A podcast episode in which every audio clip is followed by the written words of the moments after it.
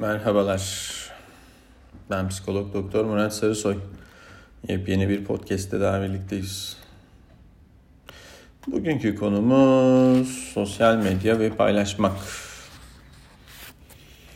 Hepimiz bir takım konserlere, gösterilere gidiyoruz. Bu konserler boyunca aslında belki de gülsek mi ağlasak mı bir türlü karar veremediğimiz bir manzara oluşuyor. Yani siz de bu manzaranın farkındasınız. Belki bu manzaranın katılımcılarından biri de sizsiniz. İşte belki de yüzlere ya da binlere yakın insanın bulunduğu konser salonunda birbirinden bağımsız 30 kişilik 40 kişilik bir takım grupların belki de konser salonundaki %10'luk %20'lik bir gruba kadar ulaşan sayının işte ellerinde cep telefonlarıyla bir takım tabletlerle hatta ya da benzeri cihazlarla kayıt alması durumu. Aslında fikir ve sanat eserlerinin korunması kanununda ilgilendiren bir davranış ama şu sözde şu akıllı telefonlar ve tabletler yoluyla abartısız tüm gösterinin kaydedilmesi durumu yani şimdi ne var bunda? Sana ne? Sanatçı buna izin verdikten sonra diyebilirsiniz ama hatta ne var bunu ben de yapıyorum diyenleriniz de olabilir ama yani e, burada bahsettiğim konu fikir ve sanat eserlerinin görüntü kaydı yapan cihazlarla kopyalanması, tabiri caizse çalınması değil. Hatta buna dair yaşanan görgüsüzlük hiç değil. Yani belki haddimi aşıyor olabilirim ama bence bir konserin tamamının cep telefonları ya da başka dijital cihazlarla kaydı her şeyden önce bir görgüsüzlük. Ama bahsetmek istediğim konu asıl bu konu değil. Konu şu ki iletişimlerimiz, izlenimlerimiz, gözlemlerimiz, etkileşimlerimiz hep, hepsi sözde akıllı cihazların birkaç santimlik ekranların arkasından önünden yapar olduk. Bir tabletin telefonun önünden ya da arkasından bakmadan hiçbir iletişime giremez olduk. Gösteriyi canlı canlı izlemek yerine tadını çıkarmak yerine gerekliliği tartışmaya açık sosyal medya sitelerine gömmek, işte beğeni almak ya da video sitelerine gömmek, beğeni almak için 2 saat konser boyunca bir cihazı havada tutabiliyoruz. O kadar azimliyiz yani. Aslında tam da bu noktada cihaz sanırım bize göre daha akıllı olmak zorunda kalıyor. Aslında akıllının kim olduğu tartışılır hale geliyor. Neyse diyelim söze devam edelim.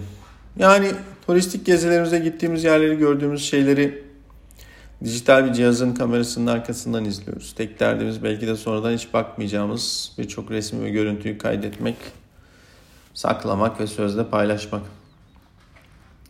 Paylaşmak yani siz de farkında mısınız bilmiyorum ama bu kelime nasıl anlamını yitirdi.